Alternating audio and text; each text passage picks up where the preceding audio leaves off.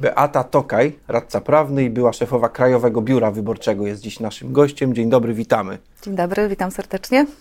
E, jako pierwszy gość w nowym roku ma pani mecenas e, prawo wypowiedzenia życzeń e, noworocznych dla naszych słuchaczy i mam nadzieję, że będą to życzenia związane z nadchodzącymi wyborami. Czy uda się je przeprowadzić skutecznie? Tak, to oczywiście bardzo serdecznie wszystkich pozdrawiam w tym nowym roku. Bardzo serdecznie wszystkim życzę wszystkiego najlepszego. I oczywiście życzę sobie, abyśmy wszyscy poszli do wyborów tegorocznych. No tak, właściwie to jest chyba najważniejsze, aby frekwencja e, może tym razem przekroczyła 60%, może sięgniemy jeszcze wyżej. Przecież o to zawsze pani zabiegała jako szef Krajowego Biura Wyborczego i cała ta aparatura wyborcza teoretycznie jest na to nastawiona, ale czy naprawdę tak to wygląda? E, tak, oczywiście. Ja zawsze byłam zwolennikiem e, pójścia do wyborów. Zawsze namawiałam do tego, aby, aby wyborcy głosowali E, oczywiście marzy mi się, marzy mi się ponad 60% frekwencja wyborcza. E, no mam nadzieję, że w tym roku ją przekroczymy. Dzięki, hmm. dzięki nam wszystkim. No tak, to powinniśmy się do tego wszyscy przyłożyć. Ale teraz spoglądając na tę sprawę od zewnątrz, jest Pani już trochę na zewnątrz, chociaż nie do końca, bo jak słyszę w urzędzie, w urzędzie dzielnicy Ursynów ma Pani cały czas do czynienia z tematyką organizacji wyborów. Zmienia nam się kodeks wyborczy, właściwie już prawie ostatnia chwila. Jakby patrzeć na, na, na wytyczne dane przed laty przez Trybunał Konstytucyjny, to jest te sześć miesięcy, e, e, po, po upływie których już w odstępie od wyborów nie należałoby tam nic mieszać, więc to ostatnia chwila, by jeszcze jakiś korekt dokonać. Niektórzy mówią, że i tak za późno. Czy, czy my podołamy? Czy, czy ten system, który pomyślał ustawodawca, jeszcze nie, nie przegłosował tego, ale czy ten system, który proponuje nam projekt, on jest w ogóle do, do zrealizowania? E, rozumiem, że mówimy o obwodach y, głosowania. Tak, przede wszystkim o Przede wszystkim o obwodach głosowania, gdzie e, projekt zakłada około 6 tysięcy y, więcej komisji no wyborczych. Właśnie. Mm, ja zawsze byłam zwolennikiem y, łatwego dostępu wyborców do lokali wyborczych, ale uważam, że należałoby to robić z głową.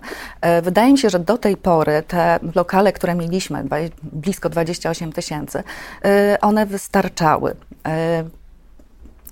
Oczywiście można tych lokali utworzyć więcej, ale nie wydaje mi się, że, e, że te 6 tysięcy jest potrzebne. Takie bardzo mocne rozczłonkowanie e, lokali, nie wiem, czy przysłuży się e, frekwencji wyborczej. Ale myśli Pani, bo to taki sta, stoi za tym argument, że jak mam bliżej, to, to może nawet pójdę, jak będzie padało, prawda? To, to raczej tak na to się patrzy. Może. No tak, ale to może jest pytanie do socjologów, którzy by odpowiedzieli, czy jeżeli będziemy mieć lokal wyborczy tuż po sąsiedzku, czy, czy, czy 10 kroków od naszego domu, e, czy my pójdziemy na te wybory? Bo wydaje mi się, że jeżeli wyborca nie chce, to nie pójdzie, nawet jeżeli, e, jeżeli ma furtka w furtkę ten e, lokal wyborczy. Tu należałoby podjąć działania e, frekwencyjne dotrzeć do, e, do osób, żeby chcieli pójść na te wybory, że te wybory mają znaczenie, że ich głos e, ma znaczenie. Dlatego uważam, że zbyt dużo lokali wyborczych to chyba nie jest, nie jest dobry pomysł. Poza tym trzeba wziąć pod uwagę, ukształtowanie terenu, tak jak na przykład e, na południu czy, czy na wschodzie. myślę, że to przede wszystkim ich dotyczy, prawda? To, oczywiście, przede wszystkim tak, tak, Polska tak. Miałaby się wzbogacić w liczbę lokali. Tak, tych małych miejscowości właśnie. E, poza tym no, nie postawimy lokalu w środku lasu, no, bo potrzebna jest inf infrastruktura. No tak samo dostęp do sklepu. Sklepu też nie postawimy w środku lasu, więc tak czy inaczej do tej pory sprawdzały się te dotychczasowe lokale wyborcze.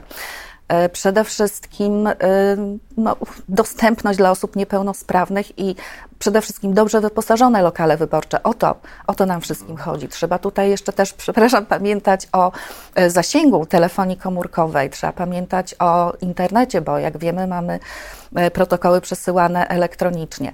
E, więc na to trzeba by było. E, no więc właśnie, no, mam przed sobą wywiad Leszka Świętalskiego, członka zarządu Związku Gmin Wiejskich, który powiedział nam w Rzeczpospolitej, że, że to może, o to może się rozbić cały problem, że owszem, demokracja nie ma ceny, więc możemy powiedzieć, że to są wydatki poniesione w zbożnym celu i trudno to porównywać ze sklepem, który musi się pewnym rachunkiem biznesowym e, kierować, ale musielibyśmy zbudować lokal wyborczy gdzieś rzeczywiście daleko, no, blisko dla tych niewielu w sumie osób.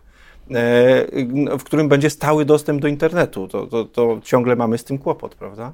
Oczywiście mamy kłopot, bo nie we wszystkich y, miejscowościach, y, to wiem, nie ma tego dostępu do, do internetu takiego y, cały czas. E, trzeba było e, właśnie spojrzeć na e, tą telefonię komórkową, bo też nie wszędzie Zasięgi. jest tak, ten mhm. zasięg, a ta łączność jest bardzo potrzebna, bo są różne problemy w obwodach głosowania. No właśnie chciałem odwołać się do pani mecenas doświadczenia z czasów pracy w Krajowym Biurze Wyborczym. Czy rzeczywiście bywało tutaj, że na, na, to, na tym się rozbijał cały problem? Może się nie rozbijał na tym cały problem, ale obwodowe komisje wyborcze, z racji tego, że nie są y, zazwyczaj doświadczone w swojej pracy, y, są takie sytuacje, że nie wiedzą, co zrobić. Na przykład nie ma wyborcy w spisie wyborców. Y, trzeba zadzwonić do urzędu gminy, sprawdzić, dlaczego tego wyborcy nie ma, co się wydarzyło. Poza tym no, różni wyborcy się zachowują. E, często jest potrzebny ten kontakt przewodniczącego e, z delegaturą Krajowego Biura Wyborczego, z tą komisją wyższego rzędu. E, tak samo jest przy sporządzaniu protokołów głosowania. Tutaj, tutaj chyba jest największy ten problem. E, gdzie coś się nie zgadza, nie zgadza się liczba kart, e, prawda, system nam e, informatyczny coś wyrzuca, nie da się tego protokołu wydrukować i wtedy ten kontakt jest bardzo potrzebny. No tak, i trudno się obyć bez sztywnego łącza, dobrego połączenia internetowego z, z, z jednostką wyższego rzędu. Pani mecenas, a spójrzmy jeszcze na taki problem związany z, to, to się ujawniało w poprzednich latach, z zasiadaniem w komisjach wyborczych. Myśmy nie mieli chętnych do obsady tych wszystkich komisji, a teraz nagle y, miałby przybyć kilka tysięcy nowych takich jednostek złożonych z y, jak rozumiem, y, przypomnijmy, ilu musi być członków w Komisji Wyborczej Obwodowej? No musi, mieć, musi być siedmiu, to w zależności oczywiście od liczby wyborców w danym no tak. obwodzie głosowania. Ale, ale przynajmniej tych dziewięciu, ale tych, tak? tych dziewięć, te dziewięć osób musimy mieć. Oczywiście może być zmniejszony skład, jeżeli nie ma chętnych wyborców, no ale to mimo wszystko. I tutaj właśnie jest ten problem. E, więcej obwodów głosowania, ale skąd wziąć e, osoby, które będą pracować w tych komisji? Przy ostatnich wyborach, tak jak pan redaktor powiedział, no były problemy z obsadzeniem. Może to nie jest problem większych miejscowości, ale już tych małych miejscowości jak najbardziej. A to im mamy zrobić dobrze, przepraszam. No więc właśnie, a to tak, tak, tak, a to dla tych wyborców są te zmiany w przepisach. No, no więc właśnie, a jesteśmy, a jesteśmy teraz na tym etapie, że jest jedna komisja, która zasiada w trakcie głosowania, a druga liczy głosy. Od tego, y, od tego ustawodawca odszedł, więc wyobraźmy sobie, co by było wtedy. Y, na szczęście, na szczęście odszedł, bo uważam, że to y, powodowało więcej problemów niż, niż czegoś dobrego, bo były ogromne niespójności w między komisją, która zdawała e, głosowanie, a tą komisją, która odbierała. Poza tym, to tak jak Pan wspomniał, to liczebność tych e, komisji. E, mam... Trzeba byłoby pomnożyć przez dwa. Tak, tak, tak. Także ja się bardzo cieszę, że ustawodawca odszedł od tego problemu, no ale nadal pozostaje problem tych dodatkowych komisji. I pytanie, czy to na pewno się przysłuży frekwencji, czy, czy, czy przysłuży się E, tym wyborom. A kto za to płaci, pani mecenas? Czy to jest zadanie własnej gminy, czy to budżet jakoś e, refunduje? Budowa tych komisji, to, to, to kto za to zapłaciłby?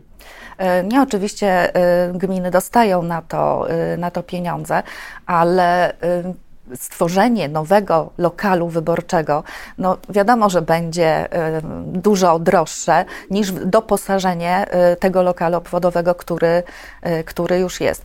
Oczywiście y, to jest taka średnia kwota, która przypada na każdą obwodową komisję wyborczą, ale w dużym mieście ta komisja jest doposażona nawet dobrze. Natomiast w małych miejscowościach, gdzie trzeba kupić komputer, gdzie trzeba no, doposażyć te, te komisje, no to Zazwyczaj gminy, gminy w małych miejscowościach, gminy wiejskie, tych, y, znaczy tych środków nie wystarcza.